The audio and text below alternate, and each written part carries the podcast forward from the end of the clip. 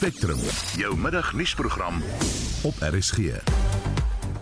In vanmiddag se program verbruikersprysinflasie in Oktober toegeneem terwyl sake vertroue in Suid-Afrika verder daal en 'n hibriede model word voorgestel om Gauteng se etolskuld te dalg. Welkom by Spectrum onder redaksie van Jan Estreisen, die produksieregisseur is Mark Preller en ek is Oudou Karelse. 6 minute oor 12 welkom by Spectrum. Die DA het 'n plan bekend gemaak om die land se kragkrisis te bestuur. Volgens die party kruip die gevaar van 'n totale ineenstorting van die kragnetwerk al hoe nader. Die DA-leier, John Steenhuisen, het die plan vandag openbaar gemaak. Ons praat nou hieroor met die DA se nasionale woordvoerder, Celeers Brink. Celeers, goeiemôre. Hallo Oudo. Die president het vroeër vanjaar groot planne aangekondig. Ons kan byvoorbeeld dink aan die nasionale energiekrisiskomitee om die land se kragkrisis reg te ruk, maar Wat daarvan het al tot dusver gerealiseer? Bitter min ongelukkig en Suid-Afrika is nou in 'n posisie wat ons meer beerkrag het as ooit tevore.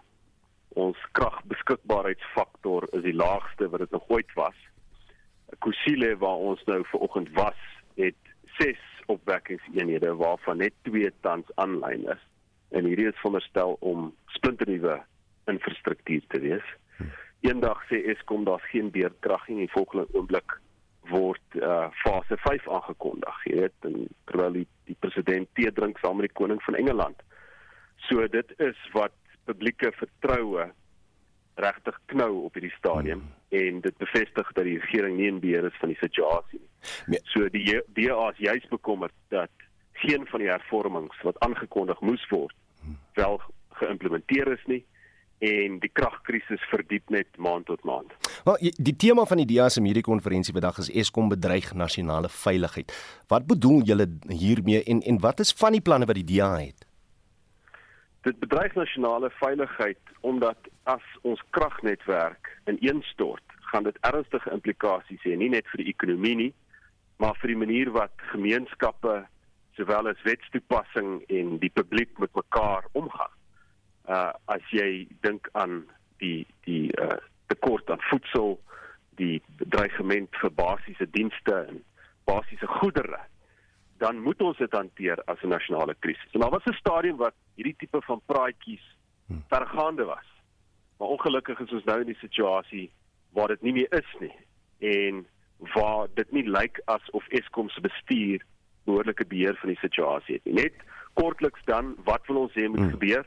Stap nommer 1 kondig 'n toegewyde omheinde ramptoestand af sover dit Eskom betref.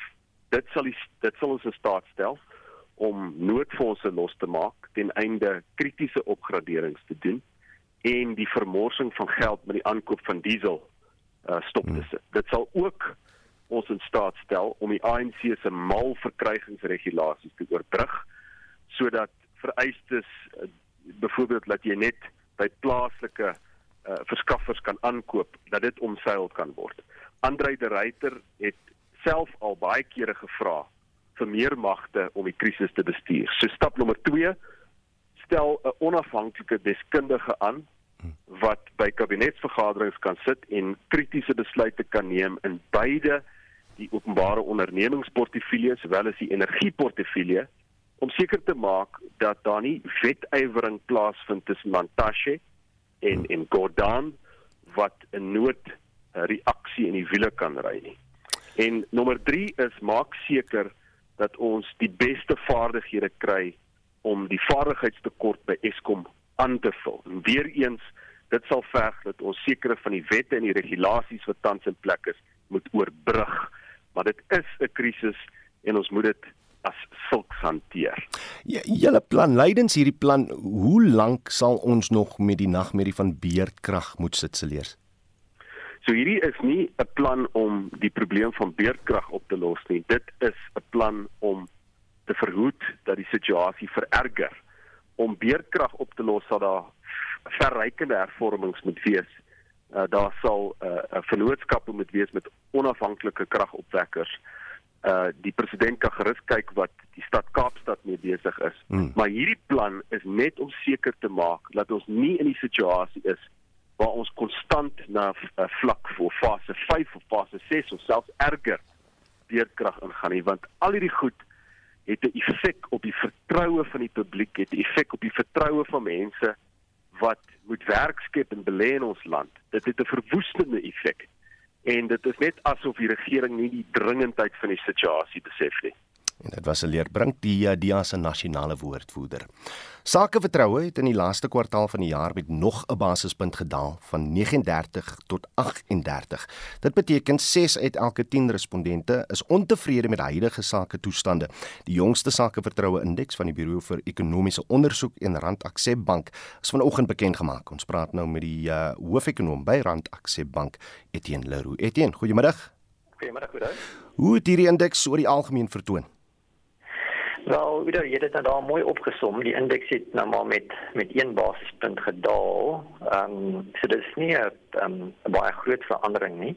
Wat amper al suggereer dat ek en jy het nou nie baie om oor te praat hmm. nie, maar dit is dit is 'n verkeerde aanname want daar's baie interessante 'n eh, detail wat in die vierde kwartaal um, beskikbaar gekom het.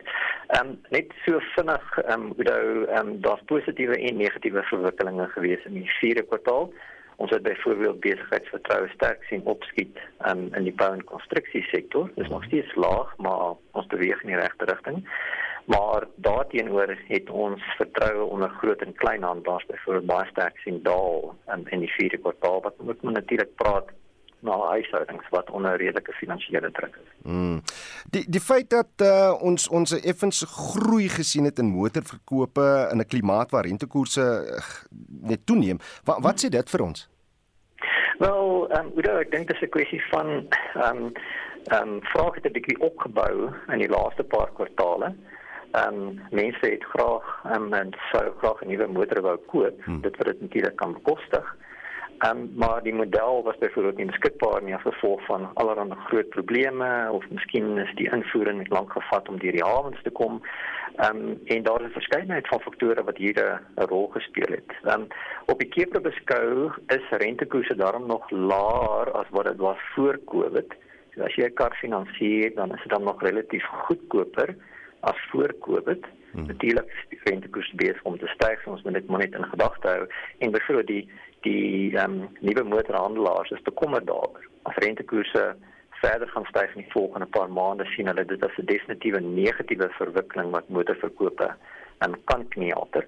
Maar vir die oomblik ehm um, hou motorverkope nog relatief goed omdat rentekoerse nog relatief laag is en omdat meer ehm um, voorraad beskikbaar is wat handelaars natuurlik nou kan beskikbaar stel en kan verkoop. So daar sit 'n paar interessante verwikkelinge in daai sektor.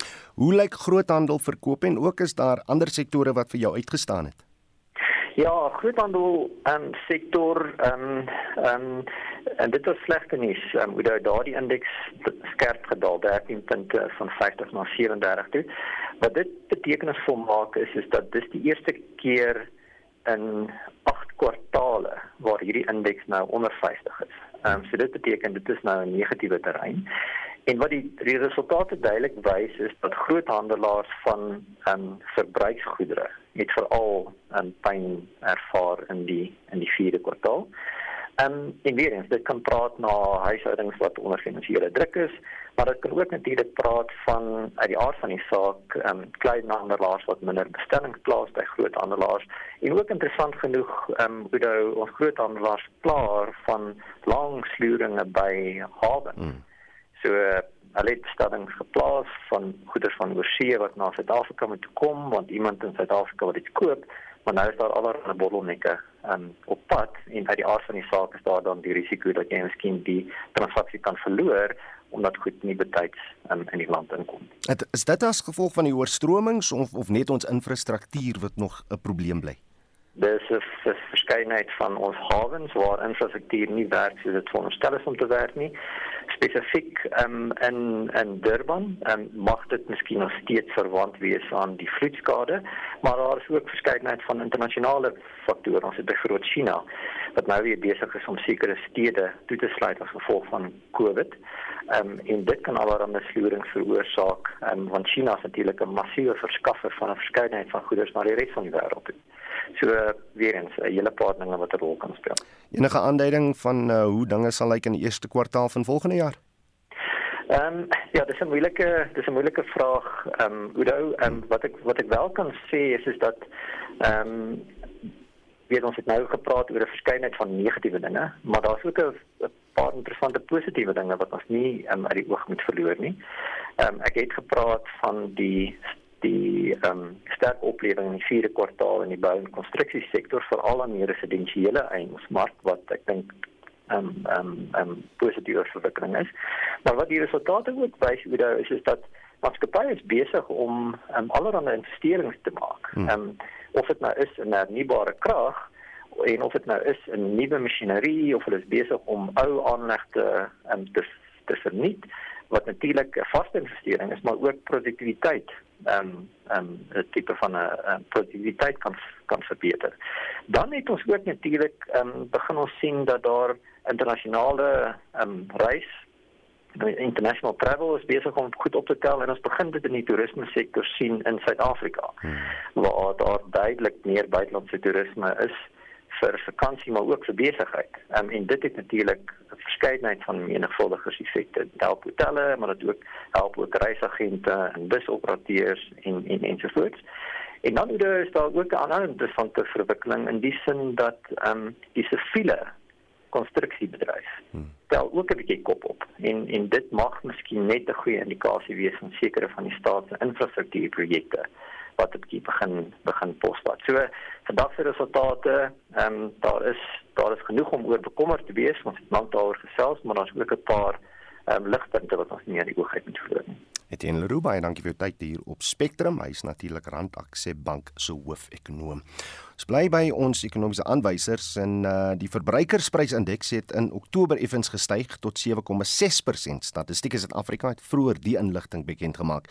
Vir meer hieroor praat ons nou met Dr Elna Moelman, die hoof van Suid-Afrikaanse makro-ekonomiese navorsing by Standard Bank. Elna, goeiemôre.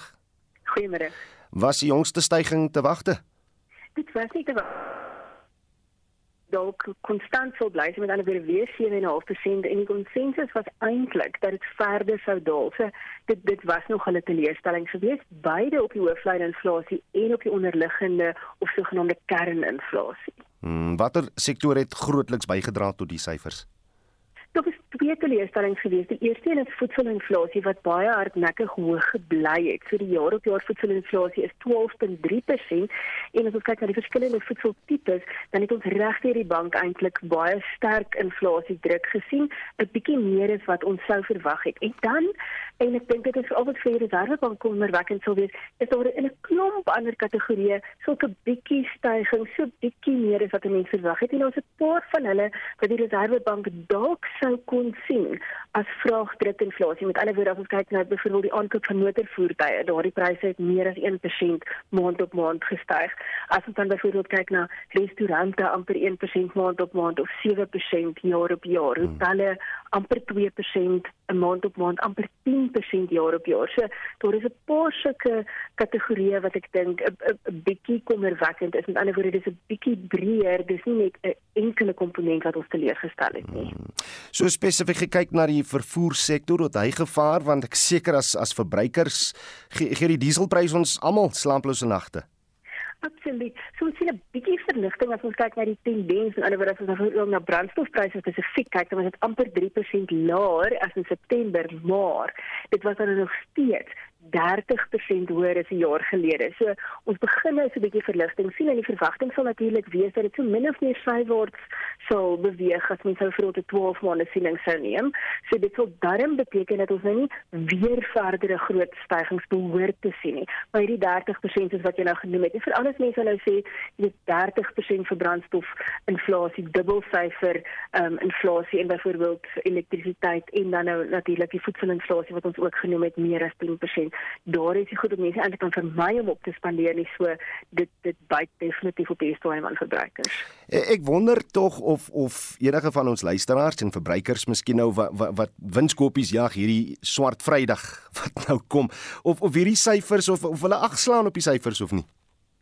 Ja, dit is nou nogal 'n interessante vraag. Ek dink mense sal waarskynlik 'n bietjie van 'n impak sien van hierdie uh, uitverkopings. Ehm um, maar dit gaan maar weer eens terugkom na die goed wat jy weet jou onvermybare spanderings is regtig vir ons op hierdie stadium die hoër inflasie sien. So ek so ek dink dit, dit vir minder mense diskresionêre spanderings 'n bietjie. So met ander woorde jou jou keuse om luxe of nie essensiële goed aan te skaf is is dalk nie heeltemal so goed soos wat dit voorheen was nie. Hmm. So natuurlik môre weer baie belangrike vergadering. Wat is jou verwagtinge vir uh, die repo koers? Ja, ek dink dit is absoluut onvermydelik dat die Reservebank koerse nog verder gaan opsit en ek dink die Reservebank se se eerste mylpaal sal wees om om die repo koers by omtrent 7% te kry. Die, die Reservebank is van mening dat dit min of meer die vlak is vir dit neutraal is. Met ander woorde dan het hulle nie meer 'n impak op inflasie nie, hmm. waar hulle argumenteer as dit laer is dit is dan dan is koerse eintlik nog stimulerend en dan met ander woorde kan hulle dalk geblameer word vir 'n deel van die inflasie. So ek dink hierdie syfer en dan veral die kerninflasie wat 'n bietjie hoër was, ehm um, gaan dalk vir die Reservebank sê as ons voorheen gedink het, hulle het dalk 'n kans om 'n bietjie stadiger te begin koerse opsit, dan gaan hierdie syfer dalk vir hulle sê hou liewes eers vol met die redelike stewige vinnige koers van rentekoersverhogings en en wag dan later um, as om nou te begin verlangsaam en die kans te vat dat dat inflasie dalk 'n bietjie hand uitdruk of 'n bietjie meer gaan word um, as wat hulle verwag het. So ek kry die gevoel dat ons wel 'n opwaartse tendens sal sien daar, maar miskien nie 'n volle basispunt nie. Nee, ek dink dit is baie onwaarskynlik dat hulle nou sou gaan na 'n volle basispunt. So ek verwag dat die debat sal wees tussen 'n half persent en 'n 3 kwart persent. Ehm um, en ek dink dat gewoonlik sal die Reservebank nie te veel klem lê op 'n enkele syfer of datastel soos byvoorbeeld vandag sien nie. Maar ek dink tog as dit dan nou 'n baie gebalanseerde debat was, dan dan gaan hierdie data dalk net vir hulle sê, ehm um, soos wat hulle tot nou toe gedoen het, doen liewer 'n bietjie meer uh, vroeër as later beter, maar soos ek nou gesê het, ek ek dink dit is baie onwaarskynlik dat hulle self vinniger as voorheen sal koerse opsit. Maar maar soos jy nou uh, wel gesê het, as minder beweegruimte, so hierdie tendens sal seker so vroeg in die nuwe jaar dan uh, moet ophou of hoe? Ek dink ons moet vir onsself sê ons is baie naby aan die einde en dit en dit is maar altyd wat moeilik om 'n baie akkurate voorspelling hmm. te maak van presies waar daardie einde is. Ek dink die Reservebank gaan op hierdie stadium argumenteer ons moet soos dinge sê by 7 uitkom en ek dink daarna het hulle baie goeie redes nodig om verder te gaan.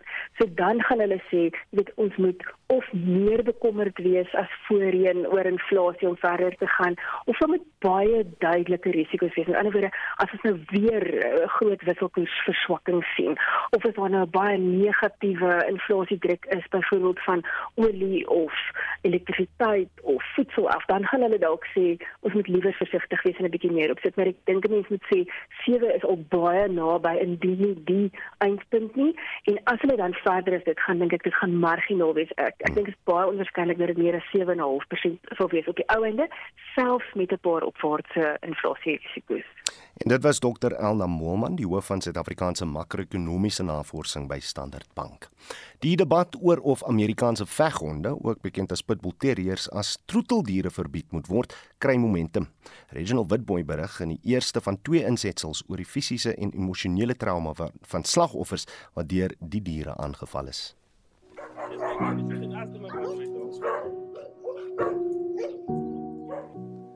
Verskeie kinders reg oor die land het hulle lewens verloor na hulle deur pitbulle gebyt is. Die 3-jarige Keketso Saule van Hennenman in die Vrystaat is Sondag deur 'n buurman se hond doodgebyt terwyl hy saam sy maatjies gespeel het. Die 8-jarige Olebogeng Mosime is 'n week tevore in Bloemfontein doodgebyt. Amerikaanse veghonde het 'n reputasie as gevaarlike diere omdat hulle in die verlede en vandag nog in hondegevegte gebruik word. Hoewel die eienaars van die honde hulle as liefdevol beskryf, beskou ander hulle weer as wreedaardig. Tupamelo Maruping se 7-jarige seun en die se maatjie 'n Amerikaanse veghond gebyt en meters ver gesleep is, het hy hom gestel vir die ergste.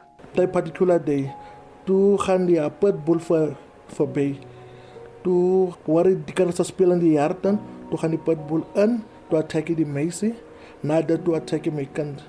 Toe klop my kan na die ander straat toe. Maar toe attack die pitbull, toe volg die pitbull om tot aan die straat. Behalwe die beserings aan sy gesig, bene en arms, het die seun ook emosionele trauma weens die voorval opgedoen. Dis castle hill. Maar die emotional trauma is nog daar. It's going for 3 years now, maar my kan skrik nog as 'n pitbull sien. Even as hy ook slaap ook, as hy hoor hy hond blaf, dan skrik hy, dan kan hy nie slaap nie. Even as ons ook loop in die straat en wat as hy kan 'n pitbull sien, hy paniek. Dan kan hy niks doen nie. Die 36-jarige Agnes Monyake sê haar lewe het verander nadat sy deur van hierdie veghonde gebyt is. Sy sê sy was op pad werk toe toe sy deur 'n klomp van die honde aangeval is. Sy het verskeie bytmerke aan haar arms en bene opgedoen. Sy sê sy sou waarskynlik gesterf het as iemand haar nie gesien en gehelp het nie. Sy het bo op die persoon se motor geklim om van die honde af weg te kom. Now everything was difficult for me because I did not work anymore. Like the first time before the dogs was biting me because my life is difficult now. Everything is difficult for me. 'n Regskenner sê mense wat deur honde aangeval is, het die reg om die eienaars van die diere te dagvaar. Kirsty Haslam is van DSC Prokureurs in Kaapstad.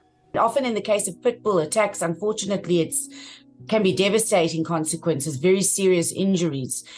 So if you've suffered injuries which require medical treatment, then you can sue for recovery of those costs.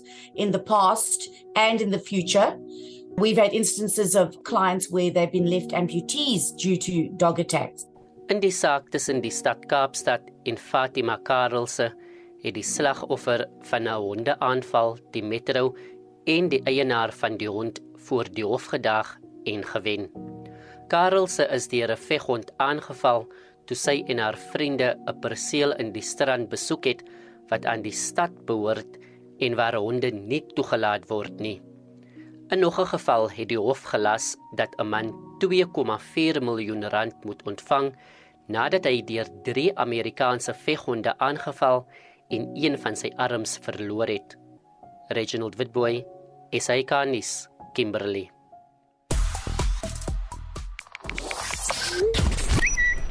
Op sosiale media is die hitsmerk FIFA World Cup steeds baie gewild. Dit is die tweede dag van president Cyril Ramaphosa se amptbesoek aan Brittanje en die verbruikersinflasiekoers styg dit voor die Reserwebank môre die nuwe rentekoers gaan aankondig. Nou, ons wil nie vandag 'n spesifieke vraag vra nie, want daar is eintlik soos jy ook nou net gesê het, uh, Bianca, so baie om oor te praat en baie dinge aan die gang. Daar is die sokker wêreldbeker, jy kan daaroor praat as jy wil, en natuurlik die debat oor Qatar se menseregte rekord en soos jy nou gesê het, die ANC se leierskapstryd president Cyril Ramaphosa se besoek aan Brittanje, breed beerdkrag en die taxi en staatsdienstakings. Al wat ons by jou vra vandag is, waarvan loop jou hart oor? Nou luisteraars op die WhatsApp lyn praat veral oor beerdkrag. Hier in Bethel geld daar twee stel reëls vir kragonderbrekings. Die res van die dorp hou stip by die skedules van Eskom en in ons in wijk 3 byt altyd die spit af met feitelik geen krag nie. Alle navrae bring niks. Ons pleit in Sobat verniet. My hart loop oor oor Eskom. Eskom, Eskom, Eskom. Ek meen ek lei net verliese, verliese, verliese. Ek wens ek kan die hel uit Eskom uit dagvaar. Ek het nou my yskas verloor, splinter nuwe ding. Hy was nog nooit eens ingewees nie wat ek verloor het. Twee TV's verloor, twee radio's verloor. So ek wens ek kan die hel uit Eskom uit dagvaar. So ek sê laat Eskom geprivatiseer word, dis baie baie baie beter. Dame ek stem. Eskom, Eskom, Eskom verliese, verliese, verliese. Stuur 'n SMS na 4588919 R50 per boodskap en sê waarvan loop jou hart oor? Jy kan ook saampraat op ons Monitor en Spectrum Facebookblad of stuur julle WhatsApp stemnotas na 0765366961. Nou daar is vandag soveel verwikkeling in die sokkerwêreld dat ons eenvoudig net lig moet werp op van die groot hooftrek. Ons praat nou met joernalis Egbert Boesak wat wyd bekend staan vir sy sokkerkennis. Egbert, goeiemôre. Uh goeiemiddag Oudo. Kom ons begin eers met die nuus oor die onmiddellike afdanking van Cristiano Ronaldo. Die man maak eers of kan eers môre sy wêreldbeker verskyning vir Portugal teen Ghana maak, maar gaan dit nie som nuwe vlerke gee binne sy nasionale span?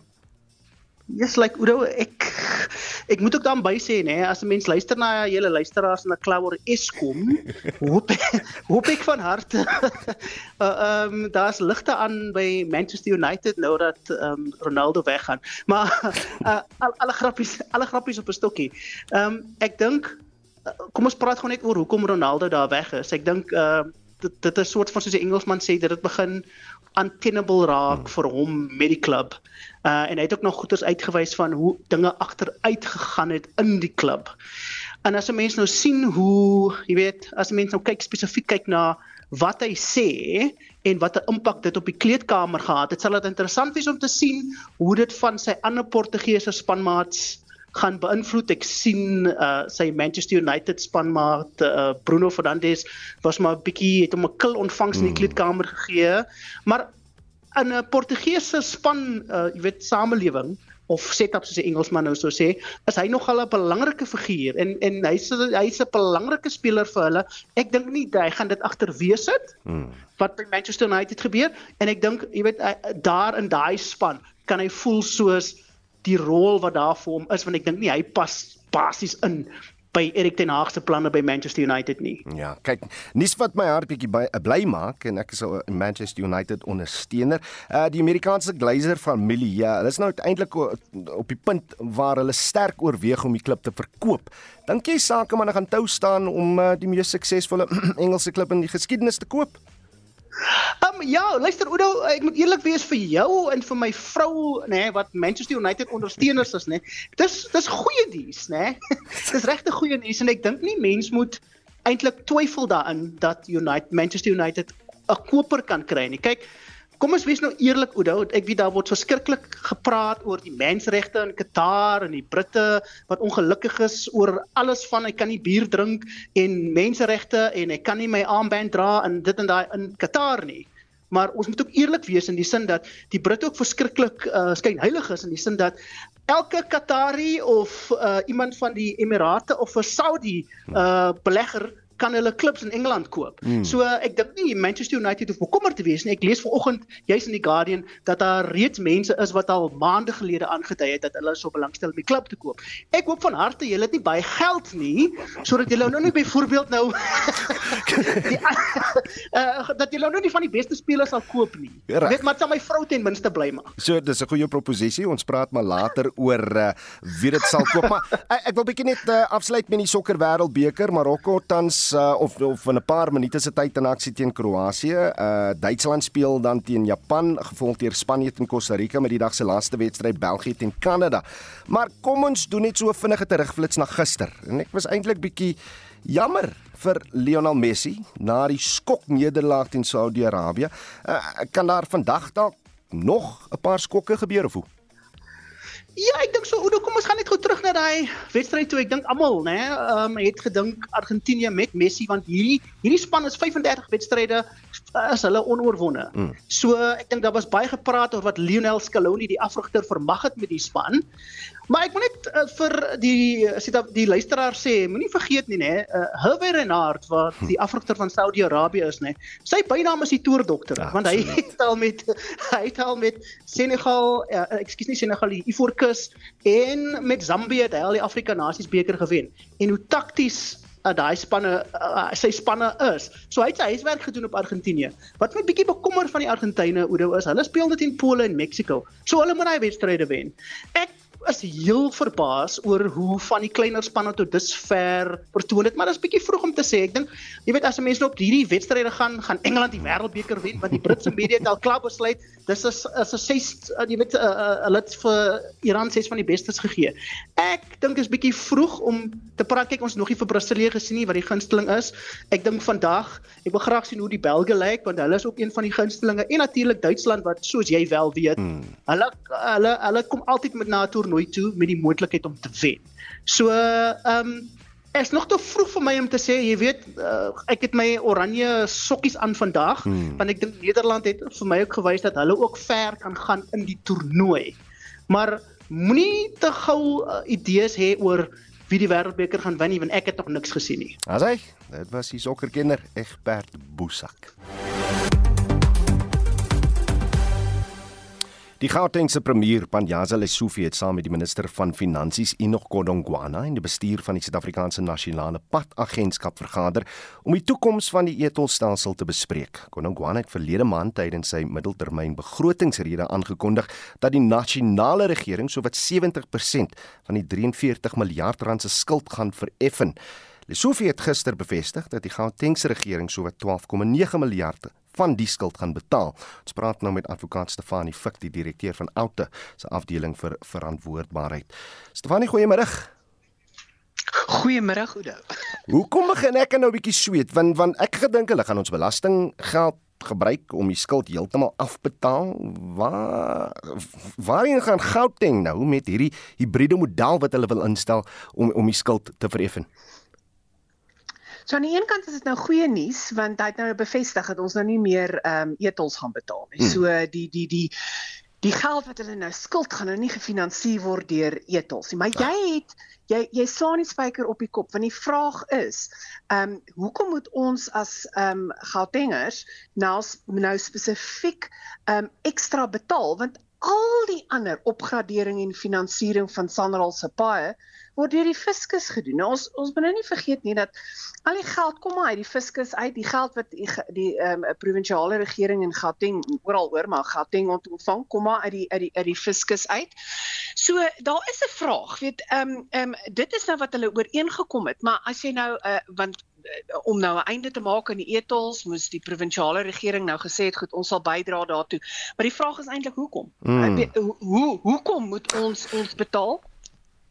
Kyk, on, on, as as on, ons soek besonderhede, dan kan ons verder uh, gesels hieroor, maar as as Banjazeli Sofi praat van verskeie inkomste strome. Inkomste strome soos wat? Wel die provinsiale regering alhoewel hulle 'n 'n 'n groot lot geld uit hulle ehm um, ehm um, weet van die fiskus ontvang, probeer hulle ook om hulle eie geld te genereer. So hy praat daarvan ehm um, uh, uh, dubbel lisensies, lisensiegelde en wat dit nou interessant maak is dit was een van die redes hoekom ons ehm um, ehm um, ook aardtoe aangeval het want hmm. die die provinsiale regering en plaaslike regerings gaan ook geld verloor as dit kom by ehm um, parkeerboetes ensovoorts ensovoorts. So al hierdie is inkomste strome vir die plaaslike regering. I mean, hulle kry geld van van ehm um, elektrisiteit want hulle vra bietjie meer vir elektrisiteit. Ehm um, hulle vra vir nurse of hulle bietjie meer kan vra vir elektrisiteit. So daar's verskeie inkomste strome wel beskikbaar vir die provinsiale regering en vir die plaaslike regering. Maar ons moet ons nou nie self flous nie. Ek dink 'n groot gedeelte van enige um, plaaslike of provinsiale regering kom af van die fiskus. Ek, ek het verlede maand nog 'n uh, 'n uh, 'n uh, etolrekening in my posbus gevind. Gaan hulle stop mhm. sit daaraan en en as jy wel etolgeld skuld as 'n Johannesburger of Gauteng motoris, moet jy hom betaal. Hulle sê nou vir vir vir my Frans, die antwoord nee en kom ek kom ek kom ek sê gaga vir jou, ehm uh, Panjana Lesofie het gesê jy gaan nou aanhou rekeninge kry tot die einde Desember wat as jy dit nou uh, objektief daarna kyk, hulle het nou nog nie die stelsels verander nie. Met ander woorde, wetgewing sê nou nog steeds daar is etels, daar is countries en hulle kan nog steeds vir jou 'n rekening stuur en hy het ook gevra dat mense hulle rekenings moet betaal. So daai 17% wat nou in die verlede betaal het, as hulle nou wil aanhou betaal, is dit is dit hulle besluit ehm um, wat hulle geneem het. In terme van skuld Sanral se raad het al in Maart van 2019 besluit om nie mense te vervolg vir agter agterstallige skuld nie. So as organisasie het ons mos gesê solank as wat ons genoeg ehm um, ehm um, geld het vir ons mense as hulle 'n dagvaardiging kry, sal ons 'n prokureur vir hulle aanstel en ons gaan dit baklei in die hof. Nou selfs daai staan stil al van 2019 af en ons het nog geen dagvaardigings nuwe dagvaardigings van 2019 af gekry nie. So die vraag is, ehm um, gaan hulle agter agterstallige skuld aangaan? En uh, die antwoord moet nee wees want ons moet of klaarmaak met ons hofsaak en ek dink nie dit sal gebeur nie hmm. en dan moet mense ook in ag neem dat skuld verjaar. So jy het net 3 jaar na 3 jaar verjaar skuld. So daar's baie tegniese goed wat wat wat eh, ehm um, van toepassing is. Maar ek dink die eenvoudige antwoord is is ek dink nie motoriste wat besluit het om dapper te wees en op te staan teen die etolstelsel hoef bang te wees dat Sanral na agter hulle gaan aangaan vir agterstallige skuld. En dit was Stefanie Fik van die organisasie teen belastingmisbruik, oftewel OUTA. Die Oranje rivier is in vloed en lydensberigte het die rivier op sekere plekke sy walle en omliggende landerye oorstroom. Die massas water het ook gesorg vir oorstromings by die Ograbies waterval in die Noord-Kaap. Vir veiligheidshalwe is sandparke genoop om verskeie voetpaadjies na die waterval te sluit. Vir meer hieroor sluit die woordvoerder van sandparke in die Noord-Kaap, Genevieve Maasdorp, nou by ons aan. Genevieve, goeiemôre. Goeiemiddag, hoe gaan dit met jou? Nee, goed, dit voel amper asof dit net 'n week terug was dat, dat ons daar by julle kom eh, kom kuier het, hoor. Ja, nee, dit voel vir my ook so. Sê my, ek, ek gee ons net 'n idee van hoe erg die oorstromings is.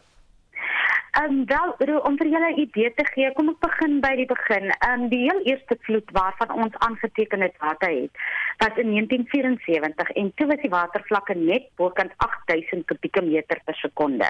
Hmm. Daarna was die volgende vloed in 1988, toe was dit ongeveer 7800 kubieke meter per sekonde. En die volgende ene was in 2011 wat ons gesien het, ehm um, wat dit gestyg het na 4799 kubieke meter per sekonde. Nou die hoogste wat in nou vandag se lesing is, is hy by ehm um, 3786 kubieke meter per sekonde. So dit lyk vir my as ek kan 'n jy weet ehm um, dan lyk dit vir my dit kan dalk net net weer die 2011 uh, lesing haal. So ehm um, dit is hoe die hoe hoog dit nou uiteindelik is. Uh, tot dusver het hy enige skade uh, aangerig? Ehm um, oor weet jy wat nog nie by ons by Grafiesvalle Nasionale Park nie.